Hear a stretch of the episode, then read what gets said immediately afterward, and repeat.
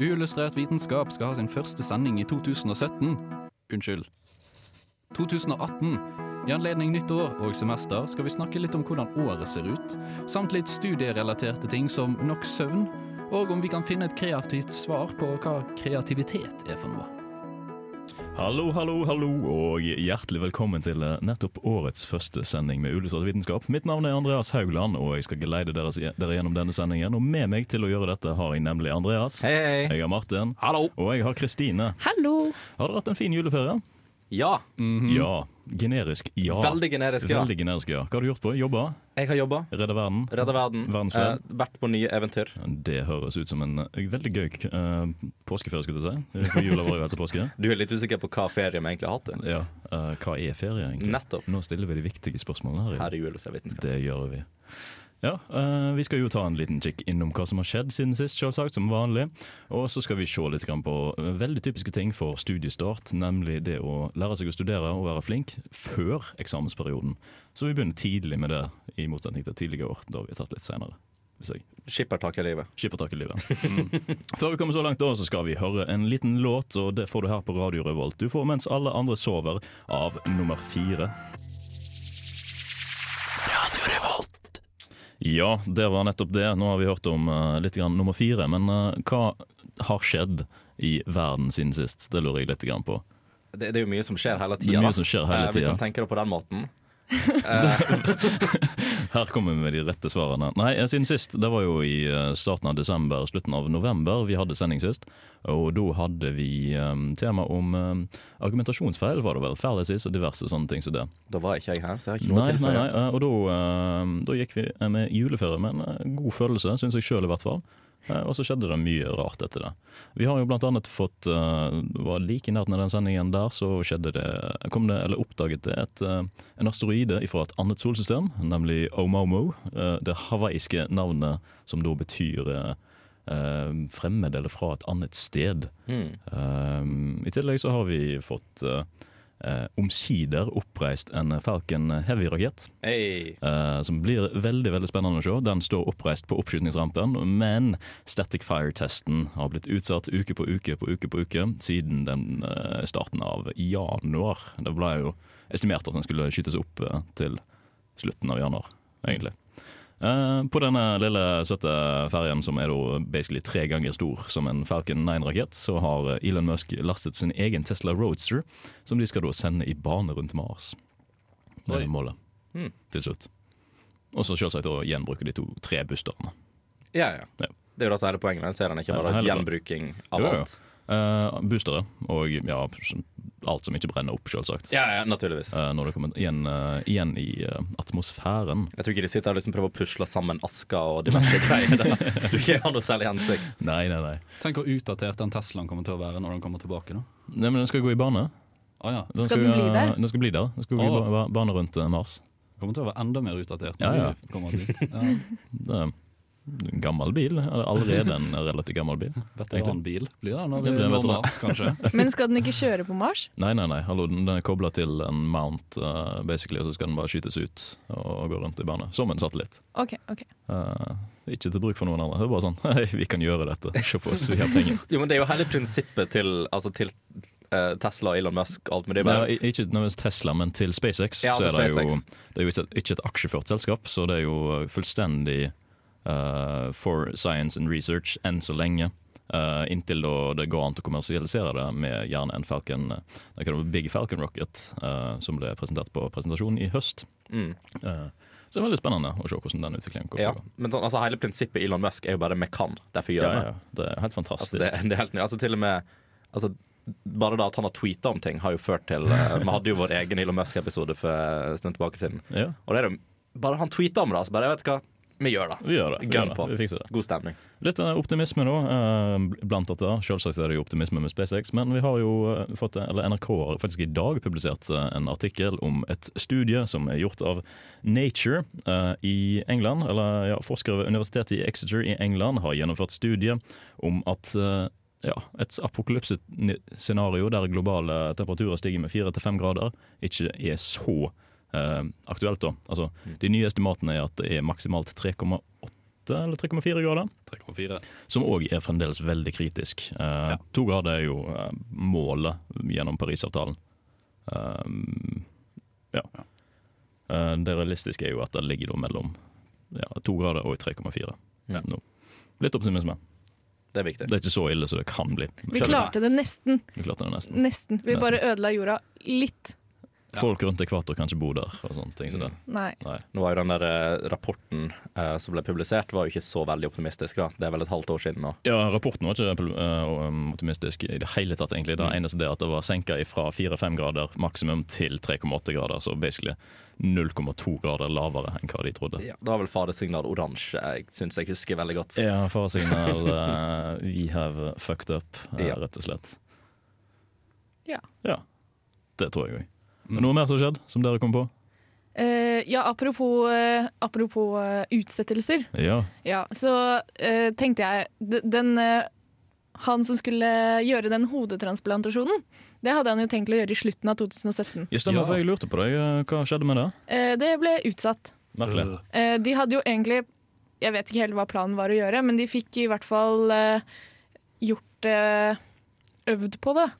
Med Med dyr? Døde kropper. Ja. Men de har ikke fått gjort det på de som er levende ennå. og så Det jeg fant, var det står første eh, kvartdel av 2018. Mm. Så kanskje. Kanskje snart. Spennende. Mye. Omsider få vite svaret på den aprilsaken din fra i fjor. Ja, Ja. det er sant. Så de bytta egentlig bare hodet på altså, to personer eh, som Ja. var døde, og så var konklusjonen at de fortsatt var døde. Ja, ja, Ja, det var bare for å se- Dette var bare for å se hvor nervene Ja, var. ja, ja, Typ skills-øvelse. absolutt. Men uh, jeg lurer på én ting, jeg, Marten. Hvordan ser året ut? Det, det kommer an på. Det kommer an på. Men uh, noen vil si det ser ut som en sirkel. Det ser ut som en sirkel, kanskje? Kanskje. Kanskje. For noen. For noen. Jeg vet ikke om du har tenkt på det før. Jeg har tenkt på det litt, grann, ikke så veldig mye. Vi skal finne Nei. ut hva egentlig Martin og eh, denne artikkelen her sier om nettopp saken.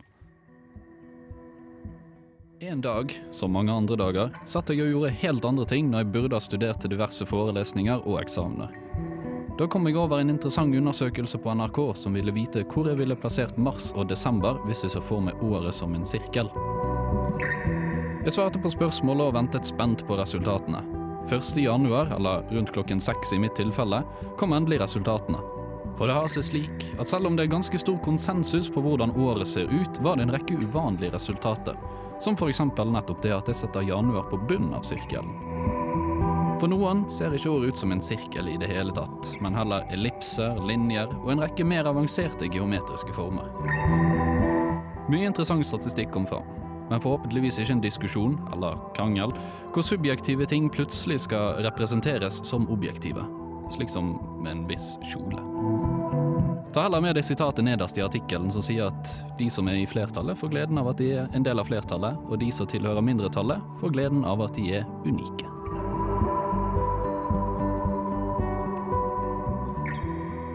So, this is Richard Wiseman, author of 59 Seconds, and you are listening to Unillustrated Science. Enjoy. Veldig spennende, Ja, må jeg si. det er det. Og nå som vi holder på med litt sånn skamløs promotering av NRK, så kan jeg jo si at eh, den var Journalisten i dette tilfellet var Anders Hofseth, Ja. hans artikkel. Akkurat. Kanskje greit å si. Har nesten et kult navn, men nesten. Nesten. Nesten ikke kult nok.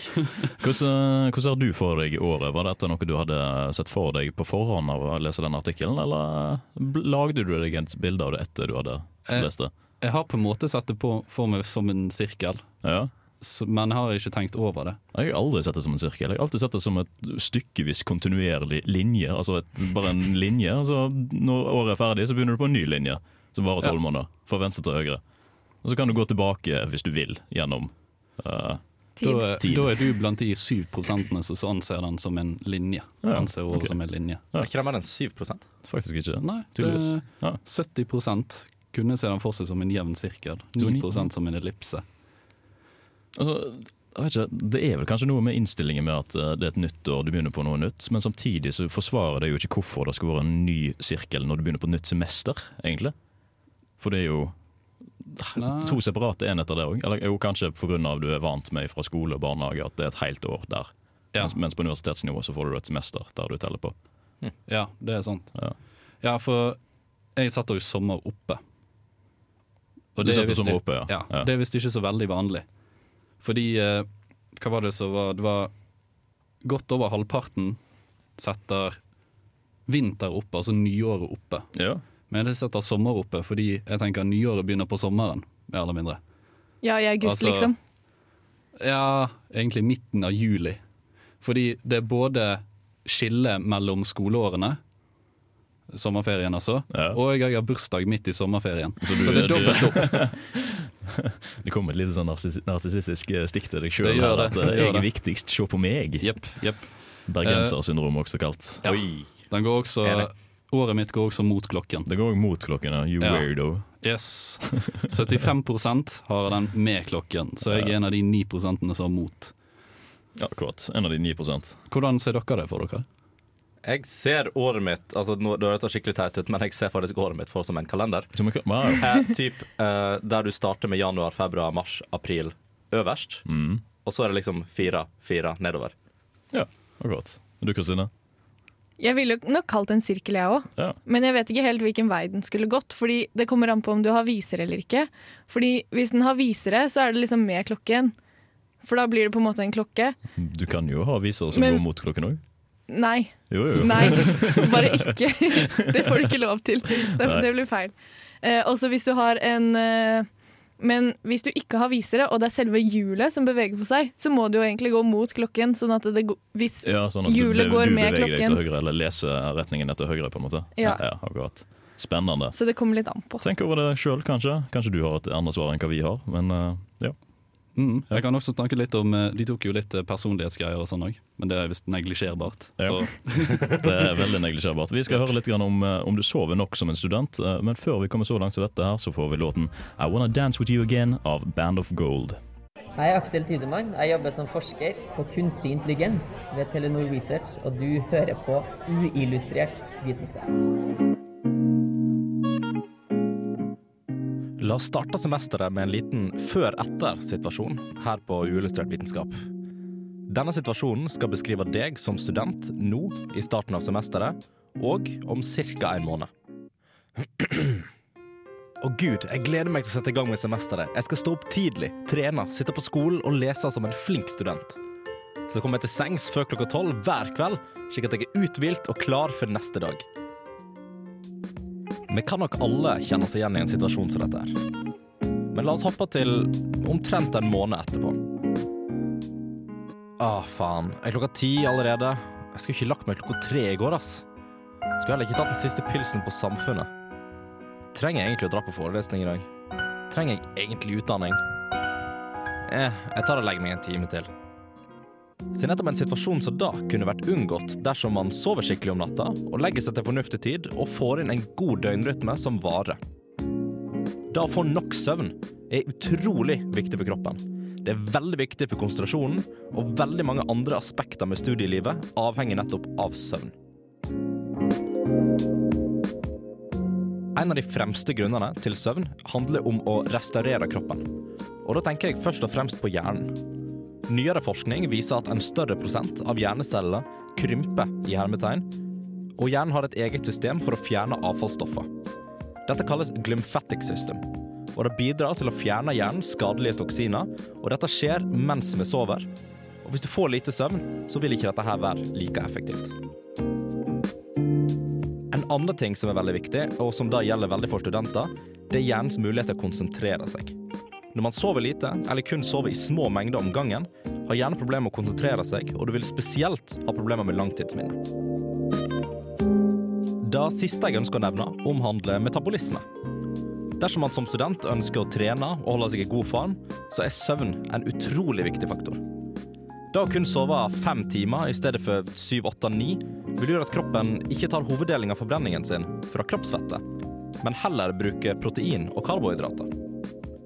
Dette minsker da effekten av trening, og kan, dersom man sover veldig veldig lite, føre til direkte muskeltap. Så mitt tips til dere, og meg sjøl, er som følger. Du kan se serie på ettermiddagen. Bare skru av lyset. Legg deg. Hello, I'm Lynn Rothschild from NASA Ames Research Center, and this is Unillustrated Science. Hjertelig takk til Lynn Rothschild og eh, til Andreas Riple for en så fantastisk eh, inspirerende sak. Takk. Det må jeg si. Jeg vil egentlig si at det er et eneste stort åpent brev til meg sjøl. Ja, eh, jeg føler meg litt grann truffet av det brevet sjøl, jeg òg. Men um, denne, denne gangen skal det gå. Denne gangen skal det gå, denne har jeg sagt de siste fem semestrene. Ja, men denne gangen skal det gå med innlevelse, skulle jeg til å si. Altså, med innlevelse, du tror på det. Det er, ikke, det er ikke euforisk inspirert som gir seg om en måneds tid. Riktig. Velg å tro det, i hvert fall. Ja. Ja, ja, ja. Eh, det er det viktigste. Det er det viktigste. Men altså, det er jo altså, grunnen, grunnen til at jeg valgte å snakke om dette, her da, er for at altså, søvn er faktisk så viktig. Det påvirker alle aspektene med livet. Mm. Og jeg synes at de bør gjøre enda mer forskning på nettopp dette med søvn og effektene du får hvis du ikke sover nok. Og bare oppfordre alle til faktisk legg fokus på søvnen din. Ikke, ikke nødvendigvis eh, så mye mer forskning, for det er jo veldig mye forskning, men å gjøre bevisst eh, folk Altså bevisstgjøre folk på at søvn er viktig. Gjør, Ja. gjør det klart tidlig i studieforløpet ditt, eller det er viktig å sove og sånne ting som det. Mm. Bare gjør det klart tydelig. Ja, for at Folk har en, en tendens til å på en måte ikke legge nok prioriteringer over på søvn. Ja, ja, herregud. Altså sånn, ja, Jeg kan sove Jeg kan, kan døgne i natt. Jeg kan ta, Døgne så, går trenger ikke mer fire timer i natt. Nei, nei, nei. Men bare da å sove de fire timene uh, i stedet for åtte, da, da gjør det at du får en helt annerledes dag. Åtte, ja, ja, og for så vidt også fire i forhold til null. Du får jo bedre dag. Ja, Uh, du, altså, det, det er jo selvfølgelig bedre, men du sier at du sover fire timer, så blir du trøtt på slutten av dagen. Som en skulle tenke er litt bra, i forhold til um, Altså i forhold til at da er du trøtt når du skal legge deg igjen. Ja, Men da har du fortsatt en dårlig vane. sant? du har en da, vane. da ødelegger du kroppen sin interne klokke. Mm. Og det er jo det som er Der du vil unngå. Mm. Det er jo ekstremt viktig, som du sier, at dette her eh, bidrar, eller, ja, bidrar jo til å ødelegge og svekke konsentrasjonsevnen din. Mm. Noe som er ekstremt viktig for å klare å sitte gjennom uh, trøtte, lange, kjedelige forelesninger. Mm. I hvert fall hvis du har en foreleser som krever at du må konsentrere deg skikkelig. uh, og ikke minst dersom du driver med trening. For Mm. det, som vi sa, dette her fører jo gjerne til muskelsvinn. Og ikke minst restitusjon etter treningsøkt er jo òg uh, særdeles påvirka av nettopp det å sove nok. Ikke, ja, ikke bare spise nok, men òg sove nok. fordi veksthormon, det som gjør at du faktisk bygger muskler, at den proteinsyntesen skjer, det er jo det skjer om natta. Det skjer ikke når eh, du er våken, det skjer bare når du sover. Kun når du sover. Så hvis du ikke sover, så vil du per def ikke bygge muskler. Det, det gikk overraskende i meninger. Det er jo en, eh, eller noen av de gylne reglene, da, med, spesielt med det trening. Hvis du skal da, bygge muskler, så er det jo det eh, nummer én spiser du nok. Eh, nei. Nummer to spis, sover du nok. Eh, veldig viktig, det òg. Og så nummer tre er jo tar du lang nok pause. Eh, sånn tre veldig viktige ting. Derav sov og spising er jo obviously de to høyeste. Det tror jeg du kan, det tror jeg du kan bruke generelt i livet og ikke bare til trening. Nei, ja, helt sant. Eh, sliter du med skolen, spiser du nok, sover du nok. Ja, ja. Hjelper på konsentrasjonen. Søvn er liksom, altså søvn og mat er grunnsteinene egentlig de holder på med. Vanligvis. Mm. Det, det, det hjelper på.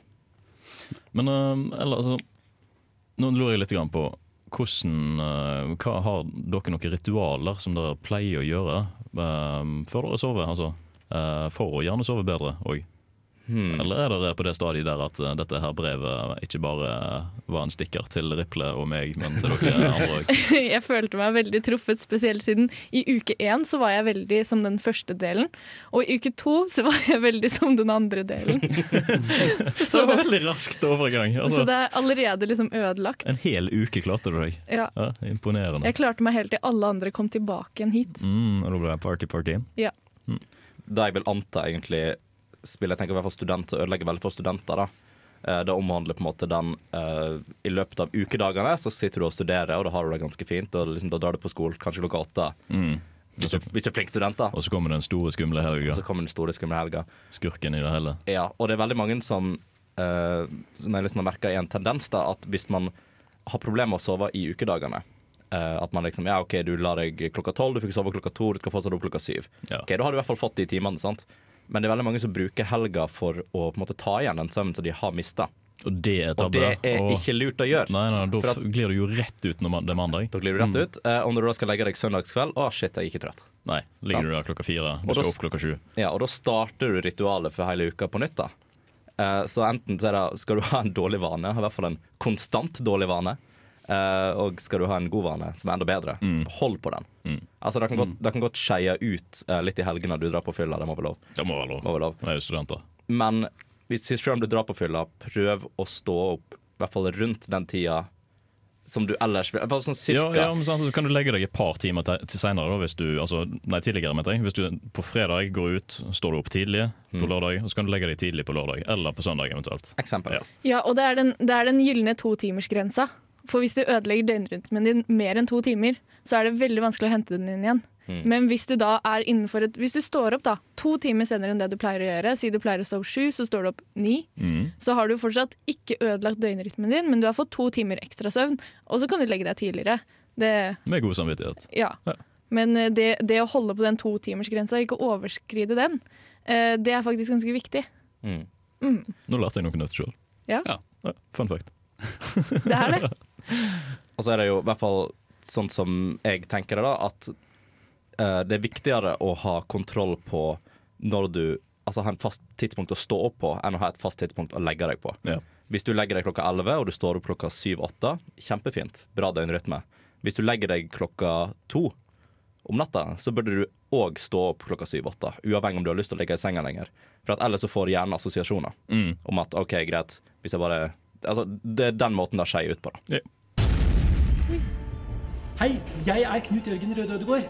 Du hører på Uillustrert, som er eh, like kraftig som en supernova, eller kanskje en hypernova. Like vakkert som en stjernehop, og like spennende som en Venuspassasje. Hva kan du bruke en murstein til? De fleste vil svare at du kan bruke det til å bygge et hus eller en mur. Men så er det noen kreative sjeler der ute som kanskje vil si at du kan bruke det til å holde igjen en dør, eller skrubbe føttene med den, eller bruke den som bokseåpner. Jeg tenkte umiddelbart hus. Er jeg ikke kreativ da? Og det er sikkert ikke nyttig å være kreativ uansett. Hva skal jeg med det, liksom? Kreativitet er like viktig for kunstnere som for vitenskapsfolk, og er essensielt for problemløsning. Det har vist seg å være evolusjonsmessig gunstig for flere arter, bl.a. mennesket, og ser ut til å være noe alle mennesker innehar i ulik grad. Men det er mer en tankeprosess enn en egenskap, egentlig, som består av flere deler. I den første delen så støter du på problemet. Du tenker analytisk og rasjonelt på det, og ser kanskje på hvordan andre har løst det før deg. Denne delen krever en viss intelligens, men ikke i form av IQ. Studier har også vist at kreative folk har mer grå masse, altså flere hjerneceller, i det området av hjernen som jobber med det de er flinke på. Om du har født sånn, eller om du er blitt sånn, det vet man ikke. I neste del, som du ikke nødvendigvis trenger for å være kreativ, sier noen, jobber underbevisstheten med problemet uten at du trenger å tenke aktivt på det. Derfor går kanskje løsningen opp for deg mens du gjør noe annet, eller mens du sover. Dette krever i alle fall assosiativ tenkning, altså det å kunne koble ting sammen som ikke vanligvis henger sammen. Og krever det at hjernen har evne til å aktivere flere områder i hjernen samtidig, og få dem til å samarbeide. De som ikke klarer det, er mindre kreative. Dette påvirkes av flere ting, men spesielt stress, i form av nevrotransmitteren noradrenalin, som gjør at man fokuserer mer på enkeltting enn å la tankene vandre. Derfor er det lettere å få aha-øyeblikk eller løse et problem på en elegant måte, på en rolig ferie eller akkurat idet du skal til å sovne. Så med alt dette i bakhodet velger jeg å tro at kanskje, kanskje er det håp for oss som ikke i utgangspunktet er så veldig kreative. This is Alan Moore, and you're listening to Unillustrated Science. Veldig spennende akkurat det der. Er det, altså, er det virkelig så gunstig som du sier at det er, å være god i kreative ting samtidig? Altså, som du skal gjøre noe avansert, da, som f.eks. å studere på universitetet? Eller jobbe i arbeidslivet? Ja. Jeg, det høres veldig sånn ut når jeg leser om det, fordi alle disse flinke menneskene som har funnet på masse ting som de er kjent for i etterkant, de er kjent for å være veldig kreative. Og de har også blitt mange av hjernene deres har blitt forsket på i etterkant når det Ja. gjelder kreativitet. Da. Eh, og det har vist seg at det, det har faktisk ganske mye å si, og spesielt det å, det å kunne finne på nye ting. Og fin kunne finne nye løsninger, for det har visst en evolusjonsmessig eh, en evolusjonsmessig hva heter det, fordel. Uh, og eh, det viser seg igjen Dette her er veldig spennende, skjønner. Jeg fant masse om det. Eh, det viser seg igjen i hjerne, hjernens belønningssystem.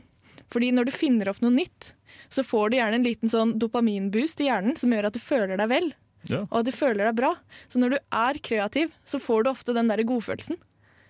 Og da får du lyst til å gjøre mer av det. Så rett og slett å lære seg å male eller spille et instrument eller uh, hva som helst uh, kreativt på siden av eh, det du jobber med. Da. Altså rett og slett ha en hobby, kanskje. Det er på. mye som tyder på at det er veldig sunt å ha en hobby. Veldig sunt. Og både det, både det med at eh, du er mer kreativ hvis du slapper av, og det med at eh, du får den godfølelsen. Men toucher ikke det veldig inn på akkurat, akkurat det samme stedet i hjernen, da, så det, det handler om mestring? Jo. At hvis du klarer å mestre hobbyen, hvis du faktisk klarer å lære deg en sang på gitar, eller noe sånt, så får du den liksom, reward-følelsen. da. Men hvis man da har en hobby, og du merker at dette får ikke jeg til, så får man vel ikke samme måte, boosten i hjernen. da. Det er jo gjerne noe du må jobbe med. Da. Altså, du må tåle at du ikke får det til til du får det til. Altså, Ja, ja. Det er en lengre prosess for noen enn det er for andre. Selv, ja, selvfølgelig. selvfølgelig. Og det, også det er jo det med, det med at eh, du kan finne opp nye ting, det at du kan være kreativ med det. Det at du kan bruke det til å lage noe nytt. Det er sånn som, for eksempel, det er forsket mye på dyr hos dette. Og det er jo de dyrene som finner nye måter å lage mat på, eksempel, eller nye måter å utnytte naturen for å få mat. De vil jo også leve lenger eh, og få flere barn og alt det der. Og det er også vist, hos, ikke hos menneskekvinner, men hos fuglekvinner, at eh, de får økt puls og blir varmere i huden når, eh, når mannen synger en kreativ sang. En litt Sånn en skal gå ut på byen, med andre ord. Så lenge du går ut på byen og ikke synger surt, eh, så, Så blir det, bra. så blir det Nei, en du kan synge kreativt. Du kan Ja. synge kreativt. kan synge Ja. kreativt. Sketting er ganske For den kreative prosessen da, det krever på en måte både at du gjør noe som er gjort før, Mm. men også at du finner på noe nytt. Eh, Det at du er litt nytenkende, men du kan ikke være for nytenkende. Fordi da blir det ikke så interessant, for da skjønner ikke folk hva du driver med. Nei, litt sånn som avantgarde-kunstnerne på 1900-tallet. Ja. Og fremdeles har ikke peiling. Hvis du, men hvis du er et eller annet sted midt imellom eh, old fashion og helt på jordet, så skal det visst være veldig bra. da. Og da vil så folk se deg som mest kreativ, og synes at du er en bra person fordi du er så veldig kreativ. Kult. Kanskje derfor eh, elektrosving og alt sånt fikk en veldig stor eh, boost. For det er sånn midt imellom eh, elektro, litt sånn helt på jordet, crazy spacer, og så tilbake til sving. Ja, Ja. sannsynligvis. Det, det er det forsket mye på. Mm. Eh, og det om man kan trene seg til å bli kreativ, det er jo det store spørsmålet i livet og verden. Kan jeg være mer kreativ? Og så kan du på en måte øke dine sjanser ved å f.eks. Ja, sove nok, stresse ned. Men det handler også om å hele tiden lære noe nytt, hele tiden observere det man har rundt seg. Fordi når hjernen eh, Når du lærer noe nytt, så vil det dannes nye kontakter i hjernen Mm. eh, nervecellene vil spre seg ut og lage kontakter. Eh, og så vil de kontaktene som ikke brukes, de nettverkene som ikke brukes, de vil forsvinne. Mens når du lærer noe nytt, når du observerer ting i nærmiljøet ditt, så vil å se på detaljer og masse ting, så vil ikke så veldig mange av disse eh, nervecellene miste kontaktene sine. Men hvis du er veldig fokusert på én ting hele tiden, så vil du bare Da blir du veldig flink på den ene tingen, men du mister på en måte den evnen til å eh, nytenke. Og ikke minst til å multitaske òg, da. Altså, Ja. ja. Og det å assosiere ting med hverandre. Assosiere rare ting med hverandre som absolutt ikke har noe med saken å gjøre. Mm. For eksempel skrutrekker og en skrivebok og sånne ting som det. Ja, Hva kan du gjøre med det? Det var veldig kreative ord, Andreas. Ja, Ja. bare, hyg- bare hyggelig. Bare hyggelig. Men altså, essensen av det vi har lært så langt nå, det er egentlig bare at hvis du sover nok, så blir du kreativ. Og hvis du er kreativ, så kan du plukke opp folk på byen med kreativ sang. Ja, Det var akkurat det jeg ville at du skulle lære. det var akkurat Ja. det, ja. Og ikke minst eh, så har du jo en overføringskapasitet. Altså overførings, eh, overførbarhet, heter det på fint norsk. Men da har du vel en tendens til å bli litt lenge på byen, og da får du ikke nok søvn igjen.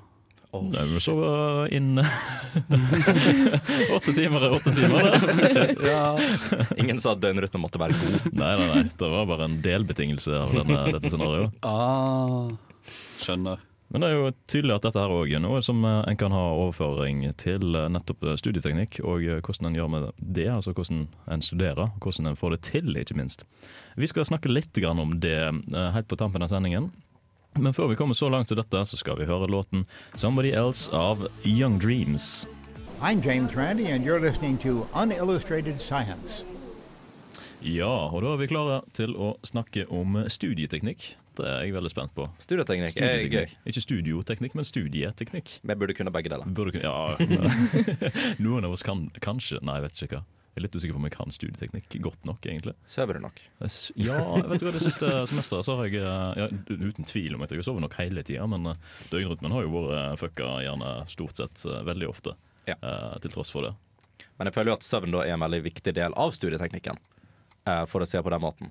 Altså hvis du du klarer, det er gjerne lettere for å legge inn rutiner og sånt da, hvis du faktisk får nok søvn og du har muligheten til å konsentrere deg. Og Ikke minst hvis du klarer å få nok søvn til at du står opp tidlig, til at du har en ting du skal gjøre. Altså Har du forelesning klokka kvart over åtte, så er det enkelt, for da kan du komme deg dit, og du sitter inne og du begynner dagen din med noe som er autopilot. Altså Du sitter og ser, du sitter og noterer. Det kan du gjøre, det klarer du. Mm.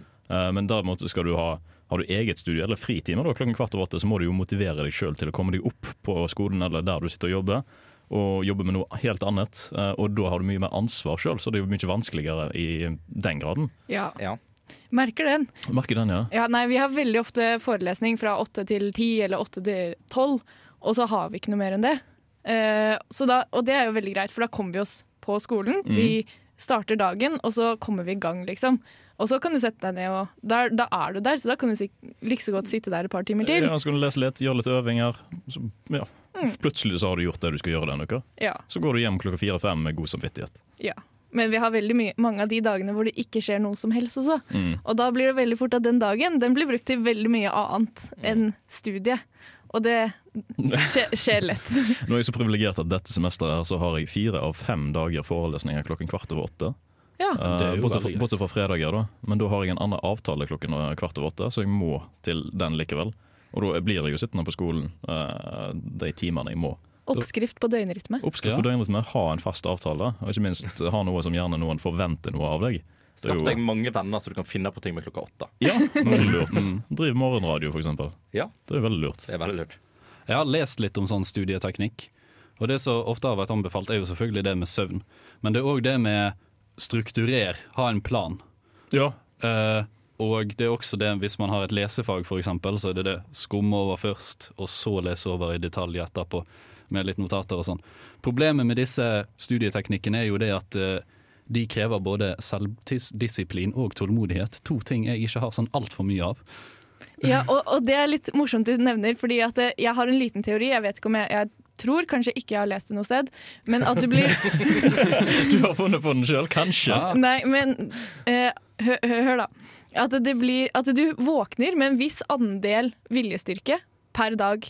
Og eh, hvis du bruker mye av denne viljestyrken på å bestemme deg for ting tidlig på dagen, så er du mer sliten i hodet senere på dagen, og så får du ikke gjort noe som helst. Mm. Men hvis du på en måte har ting planlagt, da, si f.eks. hva du skal ha på deg, når du skal på skolen, hva du skal ha til frokost, så har du mere, så slipper du å ta de avgjørelsene tidlig på dagen. Så kan du bruke de til å motivere deg selv og ha viljestyrke senere på dagen, da, når du ofte trenger den. Ja, det var veldig lurt. Veldig godt tips. Veldig Ja. god teori, egentlig. Det, jeg vet ikke helt om det stemmer, men jeg tror det, for jeg har en venninne med samme teori. Vi kan prøve det ut i praksis i løpet av semesteret, men før vi snakker videre om studieteknikker, skal vi høre låten I Know av Ivan Ave. Hey, this is Phil Plate from Bad Astronomy, and you are listening to Unillustrated Science on Radio Revolt because science is awesome.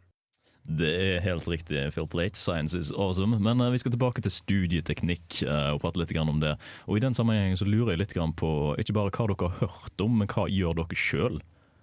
Altså uh, før, vi, før vi begynner på det, så vil jeg helst fremstille en løsning egentlig til deg angående du, du sa det om å legge en plan, eh, Ja. så du slapp å bruke opp den teorien din. da Ja. Kan du bare sette opp et sånt der veldig gøy eh, sånn Wallace, Wallace and Gromit-hus?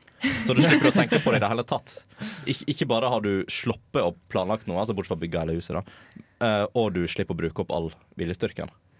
Og så kan du bruke resten av energien din på å studere effektivt. Eventuelt bygger men videre på altså, huset. at- at- ja, eventuelt bygge videre på huset. For hvis du er en ingeniørstudent, så er jo dette ganske bra. Du lærer jo mens du gjør. Så Ja. Altså, du har jo sett den der type eh, maskiner eh, når, eh, når alarmen går. Så har du en sånn der eh, hånd som liksom snurrer rundt og rundt og dasker deg i ansiktet. Ja, ja. det er jo sånn Du må stå opp for at den hånda er så irriterende. Jeg hadde sikkert bare lagt meg sånn at ikke han hadde slått meg i fjeset. Eh, Da designer du den feil. Den skal slå deg i fjeset uansett hvor du ligger i senga. Det kan fungere som en effektiv snusknapp. da At liksom Når du sovner igjen, så ruller du tilbake igjen, og så blir du slått på nytt. Ja, så, nei, men hva gjør dere sjøl for å gjøre studiedagen enklere? Andreas, hva har du begynt med dette semesteret? Hva er dine euforiske tiltak for å klare dette semesteret med strålende karakterer? Ståkarakter er vel litt jeg går for òg, men eh, Nei da. Uh, Er for akkurat nok effort. Altså det som er tingen da, Nå er jo jeg på siste, altså siste semesteret mitt for bachelor. Mm. Uh, som vil si, altså Jeg har litt spesielt, jeg skal ut i praksis og litt sånn da uh, Så det blir veldig varierende studieteknikk for meg fremover. Men akkurat nå uh, så er det vel egentlig mer sånn Jeg har to, snart tre forelesninger i uka. Mm. Det er veldig lite, sant? det er mye individuelt arbeid. Så jeg bare passer på å ha en, et godt system for å hjemme, da eller eventuelt jeg sitter på skole og jobber med ting. Ja. Typ eh, les bøker og sånn. Faktisk, faktisk ikke sitte og spille dataspill når du Nei, skal uh, ikke gjøre gjør det. Ja. Martin, har du noe fete topp ten hot tips? Jeg pleier også som oftest egentlig bare ta det som stresser meg mest, og jeg tror det er en veldig dårlig teknikk. uh, den har fungert greit Ja. enkelte steder, men uh, eksempel i morgen vet, vet jeg at jeg skal være på skolen fra åtte til tolv cirka, og så kommer det noen sånne internettester ut, og jeg merker at de stresser meg allerede litt, så jeg tror kanskje jeg bør begynne på de i morgen. Allerede nå, ja. Du, Ja. Kristine? Jeg har begynt å forberede meg til forelesning. Wow. Fordi nå som vi er på andre året og litt uti det, så, så har foreleseren sluttet å snakke til oss som vi ikke skjønner noe som helst, og snakker til oss som om vi faktisk er smarte og kan ting. Og eh, Da kan det være en fordel å kunne ting. da kan det være en fordel å kunne ting. Men ellers så skriver jeg for hånd. Det er Og jeg skriver lurt. absolutt alle notatene, både fra forelesning og fra boka, for hånd. Ja, Og det syns jeg funker. Og tegning med farger. Masse farger. Veldig viktig med farger. det er jeg faktisk helt enig. Å skrive på PC er noe av det dummeste du kan gjøre. For det går rett i glemmeboken med en gang du er ferdig med PC-en din. Og med det er mindre du sitter vist. og nileser disse notatene dine i dagevis etterpå. Skriver du det i boka, så har du det i, musklene. Altså Du har tenkt over hva du skal skrive. Du har lest det på tavla eller lest det i boka og tenkt bevegelsen til hånda. Så da sitter det seg mye enklere. Veldig mye enklere. Uh, andre ting som jeg faktisk har tatt i bruk dette året, er skremmende mye detaljert notering og tidsplanlegging. Uh, jeg har en ukeplan som eh, time for time skriver ned hva jeg skal gjøre, nøyaktig. Eh, selv om det ikke alltid blir nøyaktig hva jeg skal gjøre. Uh, jo selv, Selvsagt så er jeg jo så flink at jeg gjør øvingene på kortere tid enn Nei, nei. uh, nei, men Det hender at ting blir forskjøvet, da, men da har du vært og skrevet det ned, og du har tenkt at her skal du sitte, her skal du jobbe. Uh, det er jo faktisk en timeplan som er lagt ut av Sitt, mener jeg. Den kan du finne på sitt.no slash karriere. Eh, Og laste ned der og fylle ut dine egne egendefinerte timeplaner. Tipset på det er jo da å ha det i papirform. Aldri ha det på data, for da igjen, litt det samme som notatene, så går det jo i glemmeboken. Ja, de der strukturerte planene dere stresser med litt nå, så kanskje, kanskje det er motivasjon til å skaffe min egen plan. Ja, kanskje, Ja. gjør det, gjør det. Det har fungert sinnssykt bra for meg, i hvert fall så langt dette semesteret. Uh. jeg har òg gått gjennom og sett på altså Før forelesninger så gjør jeg sånn som Kristine og forbereder meg. Ikke nødvendigvis med å lese mye på notatene, men å skumme gjennom sidene. Sånn, så har du sett matteformelen. Ja, ja, den kjenner jeg igjen i forelesningen. Ah, så er det sånn Ja. den funker. Sånne ting som det. Da, altså, Lister og sånt, veldig god idé. Eh, jeg kan se for meg, i hvert fall det er kanskje litt subjektivt fra mitt synspunkt, da, men da at man skal strukturere absolutt alt, da er det litt stressende Nei, ikke, ikke fritid. Selvsagt fritid. Nei, nei, nei, nei, det er ikke fritid jeg tenker på, men altså skole. Uh, altså Da strukturerer absolutt alt. Det er greit å ha en generell plan, men jeg tenker at hvis jeg sier at jeg faller ut av den planen plutselig, uh, da tenker jeg at jeg blir utrolig stressa, prøver å komme meg inn igjen i den, og så sitter jeg bare sånn Å, jeg følger ikke min egen plan, jeg bare skaper mer da- stress. da- altså, da- den er jo flytende, den er ikke strengt strukturert. Den er jo flytende med tanke på at du kan gjøre ting litt her og litt der. Ja. Du er jo, du jo herre over ditt eget liv selv om du har en timeplan som sier «Eh, her skal jeg jobbe med matte. ja, men så pass på at den ikke blir for streng, enn planen. Ja, selvsagt. Det er veldig viktig. Jeg har, jeg har også den litt pla eh, erfaringen med plan. Fordi at eh, det er eh, Jeg prøvde f.eks. å planlegge hva jeg skulle spise til middag hver dag i en uke. Det er litt Og farlig. jeg har aldri spist de eh, middagene som jeg har planlagt at jeg skal spise. mid- middager det går ikke i det hele tatt. Det har bare aldri skjedd. på. Men jeg håper dere har lært noe nytt i dag, både om studieteknikk og ikke minst om hva som har skjedd siden sist i, ver i, blø, ja, i verden, i vitenskapen og alt mulig sånt. Og jeg håper dere tar dette her til nytte sjøl, at dette faktisk var gøy å høre på òg. Hvis, hvis dere har lyst til å stille oss noen spørsmål, så ta gjerne turen innom Facebook-siden vår på, eh, under navnet Uillustrert vitenskap. Eh, vi svarer på disse meldingene, og håper å kunne svare på de på lufta. Mitt navn har vært Andreas Haugland, og med meg i dag har jeg hatt Andreas Riple. Ha det bra. Jeg har hatt Martin. Ha det bra. Og jeg har hatt Kristine. Vi snakkes. Det gjør vi.